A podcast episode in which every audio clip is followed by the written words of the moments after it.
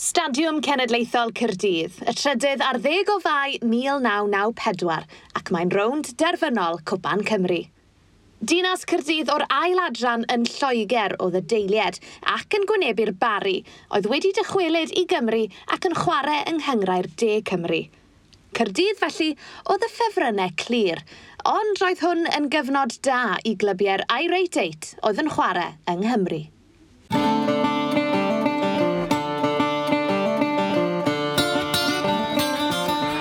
Sione Dafydd ac yn y gyfres yma gan sgorio byddwn ni'n olrhain hanes ein cyngrair cenedlaethol a'r wyth clwb cafodd yr alwad i ddychwelyd i Gymru yn 1992. Fe glywn ni wrth y cefnogwyr a'r chwaraewyr oedd yno ar y pryd. Newn ni ddilyn hanes yr wyth clwb hyd heddiw a gofyn siwt mae pethau am newid i'r clybiau yn y dyfodol. Yn 1993, Penderfynodd y bari ddychweled i Gymru. Tîm y bari yn yr 80au. Dyma Ian Johnson. Mae fe'n gefnogwr y clwb sydd wedi ysgrifennu llyfr am hanes y clwb. Unbelievable Barry Town. Ac yn berson delfrydol i sôn am hanes y bari. Oedd yn glwb nath newid system sawl gwaith. cafodd Barry a'i sefydlu yn ei um, ffurf presennol yn 1912. Uh, chwaraeodd y Barry yn yn y Southern League, fel oedden nhw'n galw fe uh, am 70 mlynedd.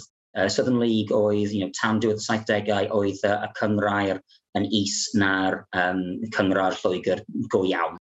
So oedd Barry o chwarae um, prif dîm yn y Southern League am 70 mlynedd, roedd ail dîm y Barry hefyd yn chwarae yn y Welsh Leagues, um, cafodd y Welsh League a'i sefydlu yn 1905, os dwi'n yn iawn. Um, so roedd Barry yn, yn chwarae dau tîm yn ystod y cyfnod yna. Ar ddechrau'r 80au, penderfynodd Barry gadael y Southern League a roi'r tîm gyntaf yn, yn y Welsh League. Roedd ailddiwygiad i'r system yng Nghymru a wnaethon nhw crau a beth oedden nhw'n galw y National Division. 82 wnaeth y Barry ymuno ar National Division. Um, na, oedd hwn dim ond yn cynnwys De Cymru So, so National Division yr un modd, roedd yna Welsh National League bracket Wrexham area yn y gogledd dwyrain hefyd. So National Division oedd yn cynnwys, oedd y prif adran yr hen Welsh League, oedd yn mynd mor bell pryd hynny a'r Aberdai Gleddau a, a Doc Penfro. So oedd Barry wedi ailymuno ar, um, uh, roi, roi prif tîm yn uh, Welsh League yn y, ar y 90au. Roedd tîm y Barry pryd hynny yn llwyddiannus dros ben, wnaeth nhw ennill uh, y cyngrair dwi'n credu chwe, chwe, chwe waith mewn saith mlynedd. Wnaeth nhw'n colli unwaith a'r goal difference i dwi'n credu Glynebw falle Tom Pentra. Wnaeth nhw hefyd cyrraedd round cyntaf o'r FA Cup.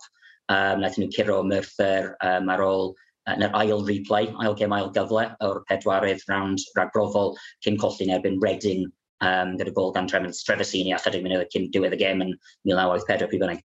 So ar ôl bob bari bod moll oeddiannus yn yr 80au, um, wnaeth nhw ail ystyried um, dyfodol nhw eto. Ar y pryd, roedd uh, ddim quite a ddewid o chwarae yn Ewrop, ond roedd pobl yn sôn am lle yn Ewrop ar gyfer timau yn y National Division, ond roedd Barry mor llwyddiannus yn y cyfnod yna yn wnaeth nhw penderfynu ail ymuno ar lig, ar system Lloegr, So aethon nhw nôl i'r beth oedd y pryd oedd y, y Beeza Homes League Midland Division, sef um, Southern League gyda, gyda adran uh, yn is. Cyfnodau wahanol, wrth gwrs, roedd Merthyr yna, roedd Pen y Bont yna, roedd Llanelli yna tan ddiwedd y 50au, ac roedd um, Croesoswallt, um, yr hen Croesoswallt yna hefyd. Felly, yn wreiddiol, y penderfyniad yn 1992 oedd i dalu tir ac i barhau i chwarae yn Lloegr, Ond pam felly, ar ôl cael cyfnod mor llwyddiannus yn chwarae yng Nghymru mor ddiweddar ar 80au? Teimlad yn y Barry oedd ni wedi bod, ni wedi chwarae yn, yn Peldroed Cymru, ni wedi ennill, ni wedi bod yn beddogol, you know, ni wedi bod yn llwyddiannus iawn, um, doedd, doedd e ddim yn digon fawr i ni, digon cystadleuol i ni, um, roedden ni'n herio yn hynna'n eto yn y system yn Lloegr oedd y cefnogwyr yn erbyn gwneud cam yn ôl uh, o safbwynt nhw at, at cyngrair oedd ddim yn bodoli. Um, roedd y uh, uh, Cymdeithas Beldroed ar y pryd, roedd Alan Evans, um, you know, roedden nhw'n gofyn i ni symud o system oedd yn bodoli am bron cam mlynedd ac efo rhywbeth oedd ddim yn bodoli yn, ai, yn, ai, yn y ffordd arfaethedig erioed.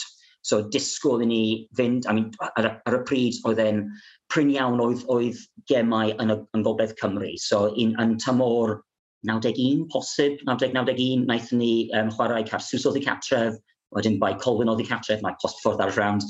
Um, roedd yn y gem yna, siwr yna 50au yn erbyn tywyn. Um, you know, so roedd, roedd pryn iawn roedd clwbiau De Cymru yn, yn, yn teithio i'r gogledd. Felly, oedd gemau yn de Lloegr yn cymharol hawdd i, i gyrraedd, yn weithiau os roeddet ti angen mynd i, i Kings Lynn neu Dartford neu rhywbeth y gyfer gem roedd yn, yn, yn hoi trip tip oed iawn aeth dim yn ychydig o bobl yna.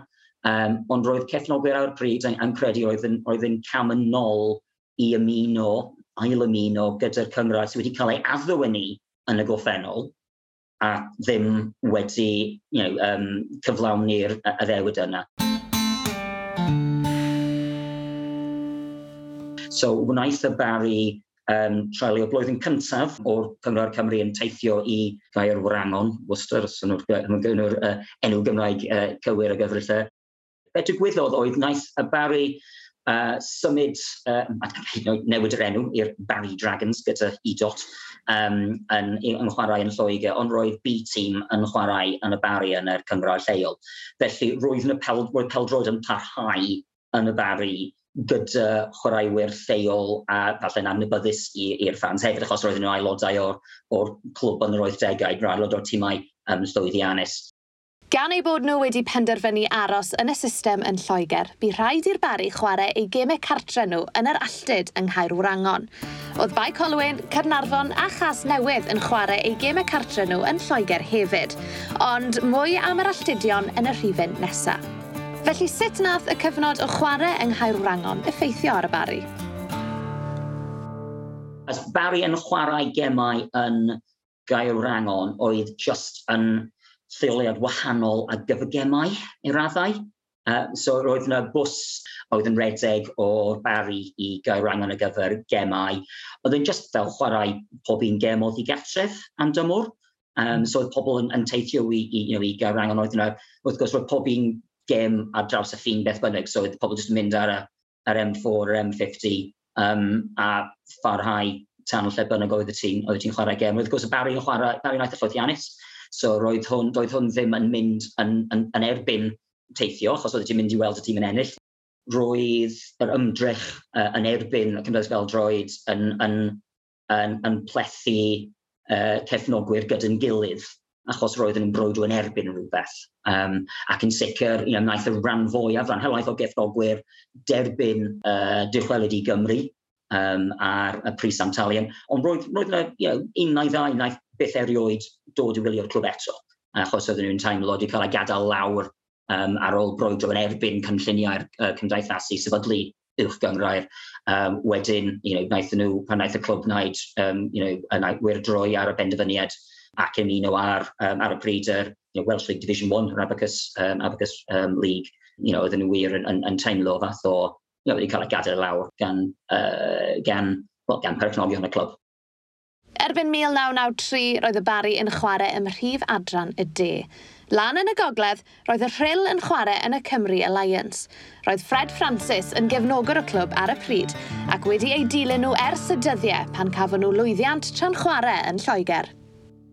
Nes i dyddi fyny yn uh, cefnogi rhyl, uh, gos ni'n cerdded draw at Bellevue a mewn yn fannod. Uh, Gym gyntaf dwi'n cofio, dwi'n meddwl mae ti yn 1959 FA Cup yn erbyn Grimsby Town ac um, rhi beth dwi'n cofio am y gêm oedd un cefnogwr yn rhedeg ar y cae a trio bod yn referi. Dyna, dyna prif beth dwi'n cofio.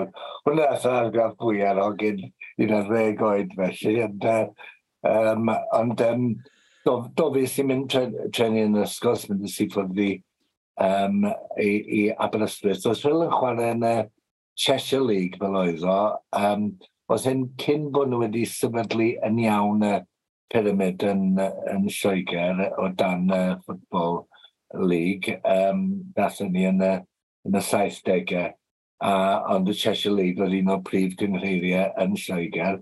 Yn diddorol iawn, bydd ni'n chwarae'n erbyn ail tîmau clybiau fel Wrexham, Crew Alexander, Tranmere Rovers, oedd enwau mae i gyd yn dod i'r rhelag fel sef yn rhoi rhyw status ac yn aml iawn yn gweld chwaraewyr oedd yn chwarae yn y, yn y ffwtbol, uh, ffwtbol league felly.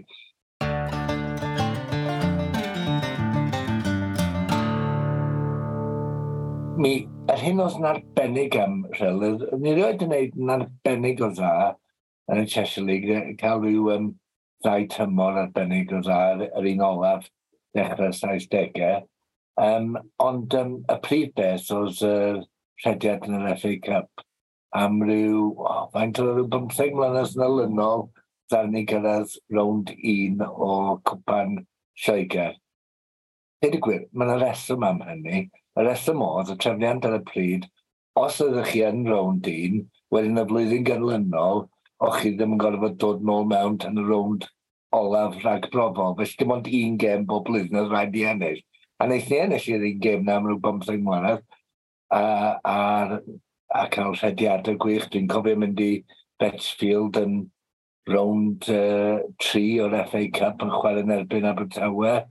Uh, nes ni golli. Uh, yn, yn drwm, ond does ni wedi chwarae yn Old Trafford y uh, replay yn erbyn Bansley cyn yni ac yn rown 2. A mae ma tryddodiad yna, ond dim waith ni fethu cyrraedd rown 1, wedyn nath popeth syrthio. A trwy'n am fwy o 70au a 80au, oedd rhyl ddim yn llwyddiannus iawn, gymaint felly fel tir 1990-91, ath y clwb yn Festalwer a gorfod cychwyn to. Felly pan oedd y ddadl yma i gyd yn cychwyn o ran um, sefydlu uwch gyngor Cymru, yr hyn oedd yn oedd yn wrthyn gen mwyafrif cefnogwyr, oedd ddim gyda fi a lleafrif oedd o blaid y system newydd, ond gwrsyn, oedd y ffaith bod ni eisoes yn teimlo'n fregus iawn, fel clwbeth newydd fod yn destalwer, oedd ni'n ffaith bod ni'n cael yn gorfodi i ddod i mewn i gyngrair.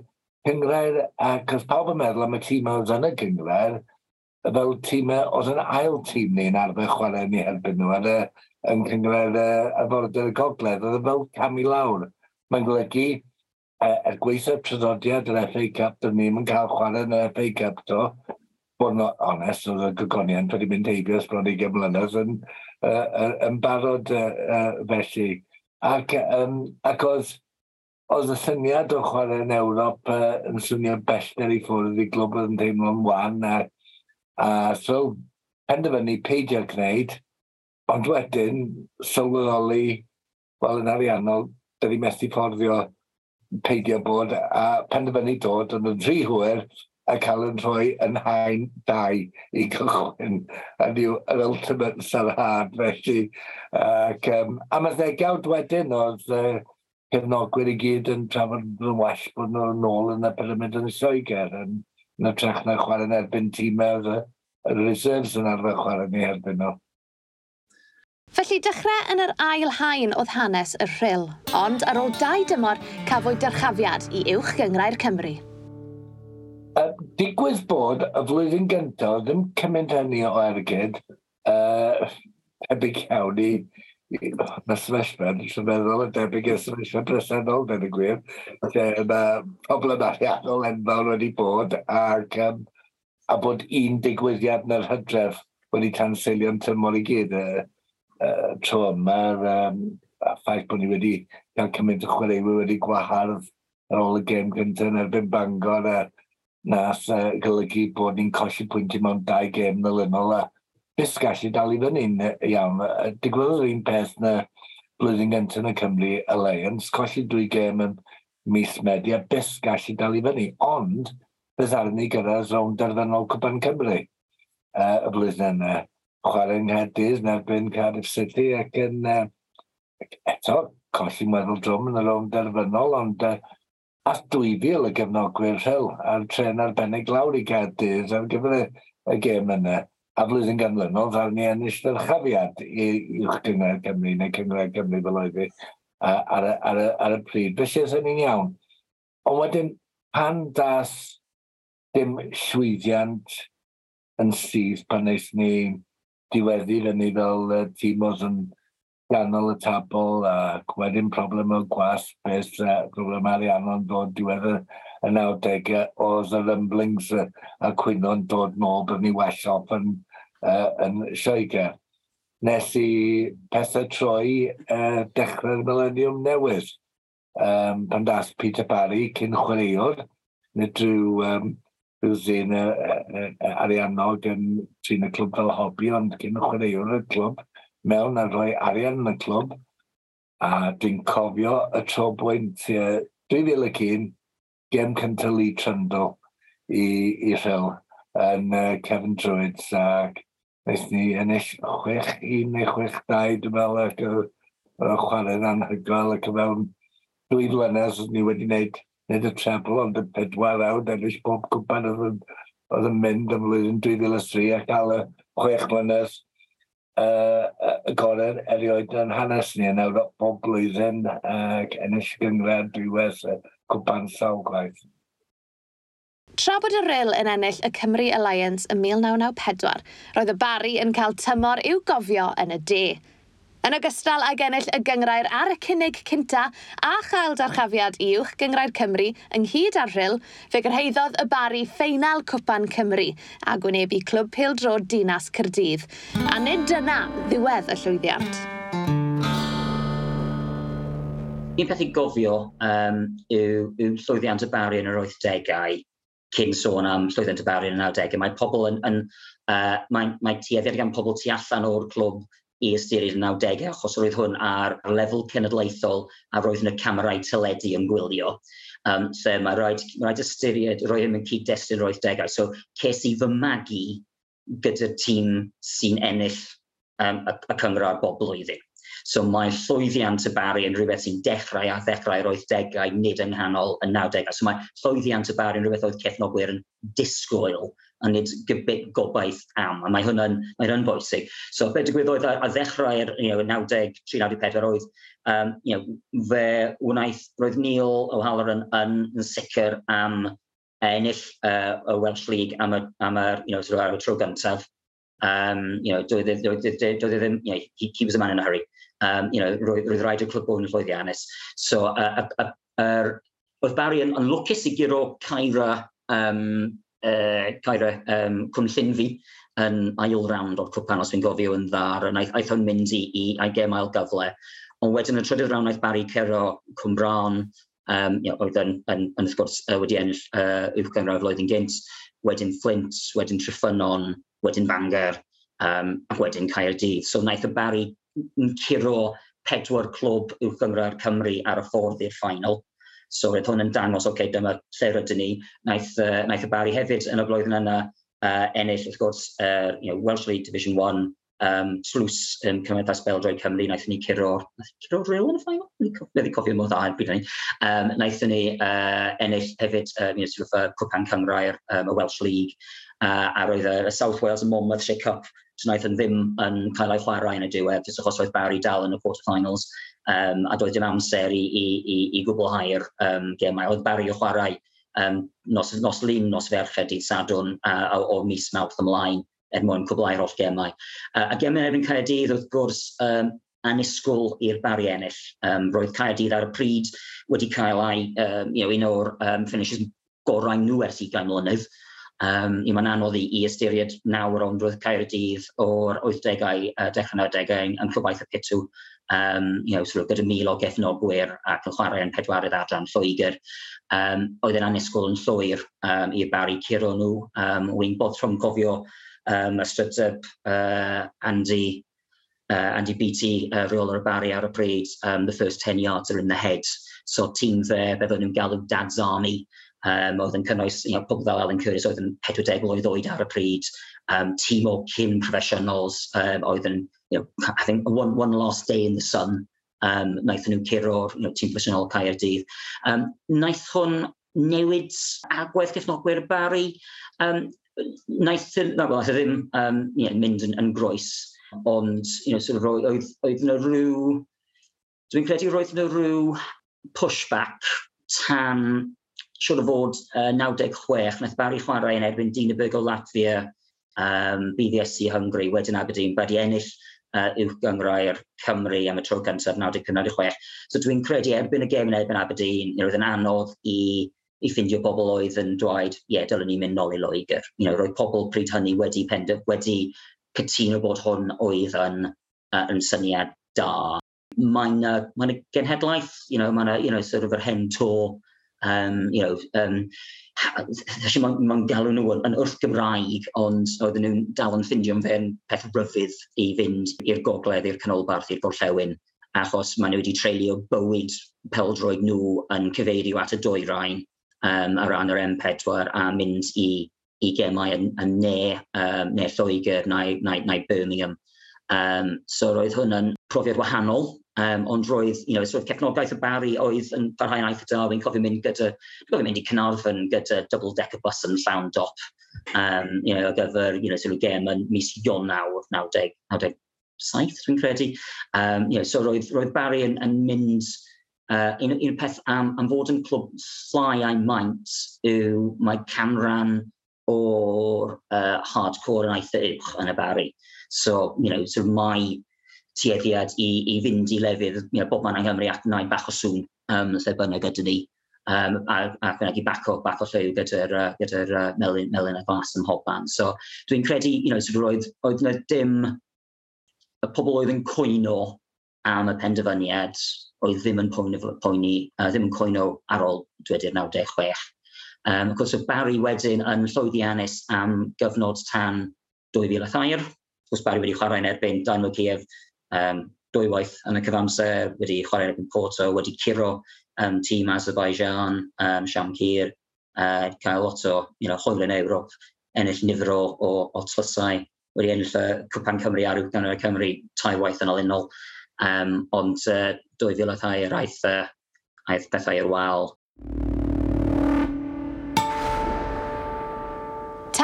2003, roedd pethau'n mynd yn dda iawn i'r bari, gan gynnwys y tripiau cofiadwy yna i Ewrop.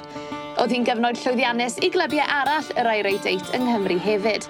Enillodd Bangor y gyngrau'r ddwywedd yn olynol yn 94 a 95, ac yna y rhyl yn ennill yn 2004. Orffennodd y dre newydd yn ail ar ddau achlysur ac fe nath hynna gynnig y cyfle i'r tîm o'r canolbarth chwarae yn Ewrop – ac mae'r profiad wedi creu atgofion melus i Brian Coyne. Crazy. I mean, I think the first one's going to Riga. I mean, they came over to, to Newtown. One of my big recollections of that that game. Um, well, two things really. The temperature that night. I mean, it was it must have been eighty odd degrees in Newtown. It was one of the hottest nights I've, I've ever been involved in in football. Um, but allied to that, Skonto Riga was virtually the Latvian national team.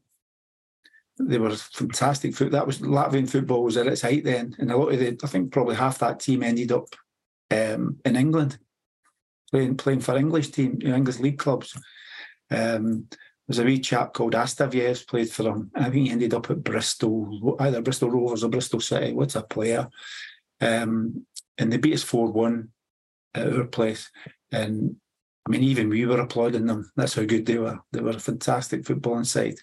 We managed to get a goal. Romley Brown scored scored the first goal in Europe for Newtown. Um, so he's, he's always got legendary status as far as that's concerned.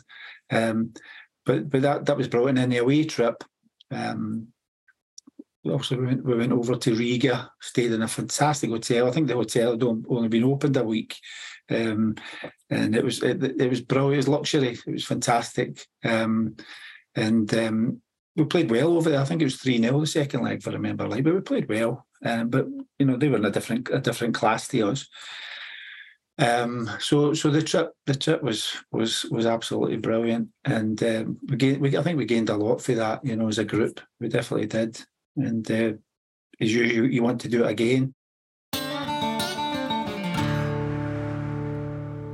Played Krakow, uh, Krakow um, in '98 was something something I'll never forget.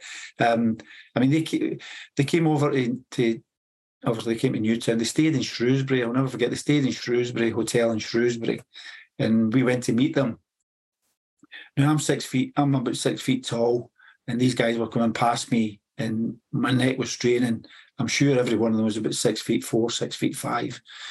Um, now our centre half, Colin Reynolds, on tiptoes is probably about five feet nine. So I thought, oh my God, what are we going to do here?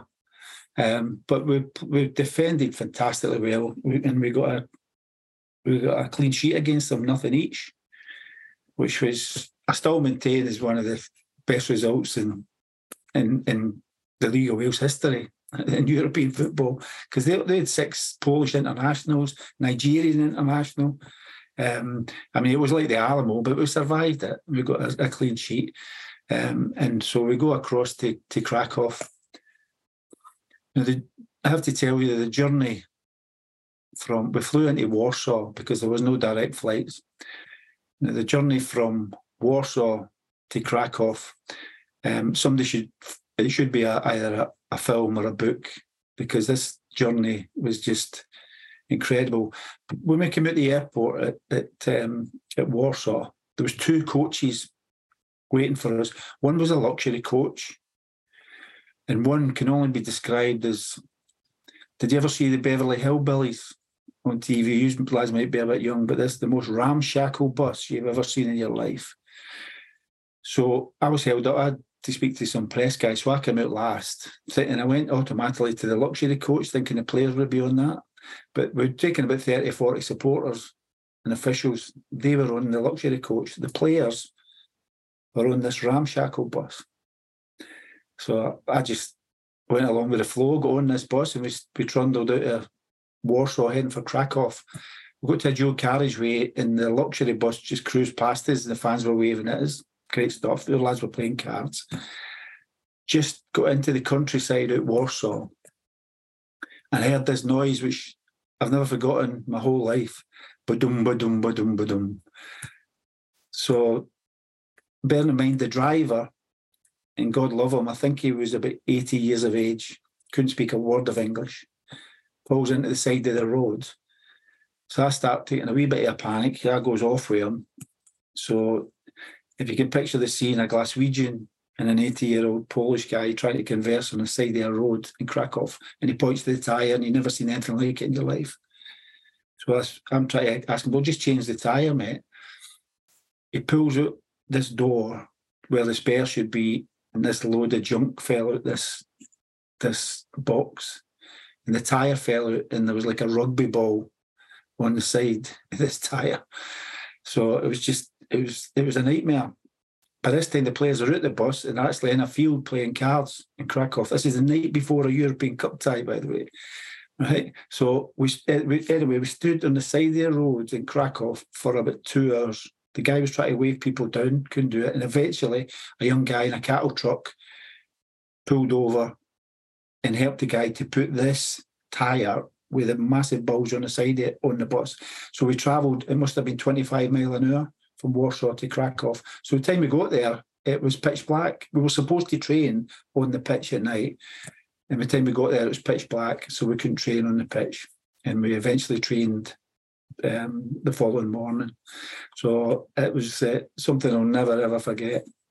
So when it came to the match, because we did have a match to play, after half an hour it was still nil each. And I vividly remember ringing, turning to Richard Pike and saying, "We can keep this up. This is going to be the, one of the best results in European football." you, you probably know what the final score was because suddenly they scored one, they scored two, they scored three. they, they just forgot to stop scoring then, so it ended up seven seven now. But you know, so uh, it should be that, I suppose. But um, an unbelievable experience. It really was. Brwydre cofiadwy i'r dre newydd yn Ewrop felly, ond brwydr o fath gwahanol iawn oedd gan yr alltudion, Bae Colwyn, Carnarfon a Chas Newydd, ac roedd y frwydr am fynd yr holl ffordd i'r uchel lys.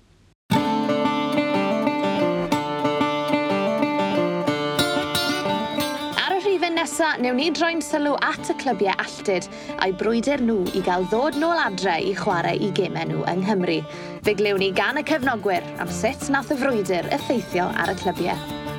Diolch i holl gyfranwyr y gyfres am eu hamser nhw. Eu stori nhw yw hwn. A diolch i chi adre am rando hefyd. Tan tro nesaf, hwyl fawr.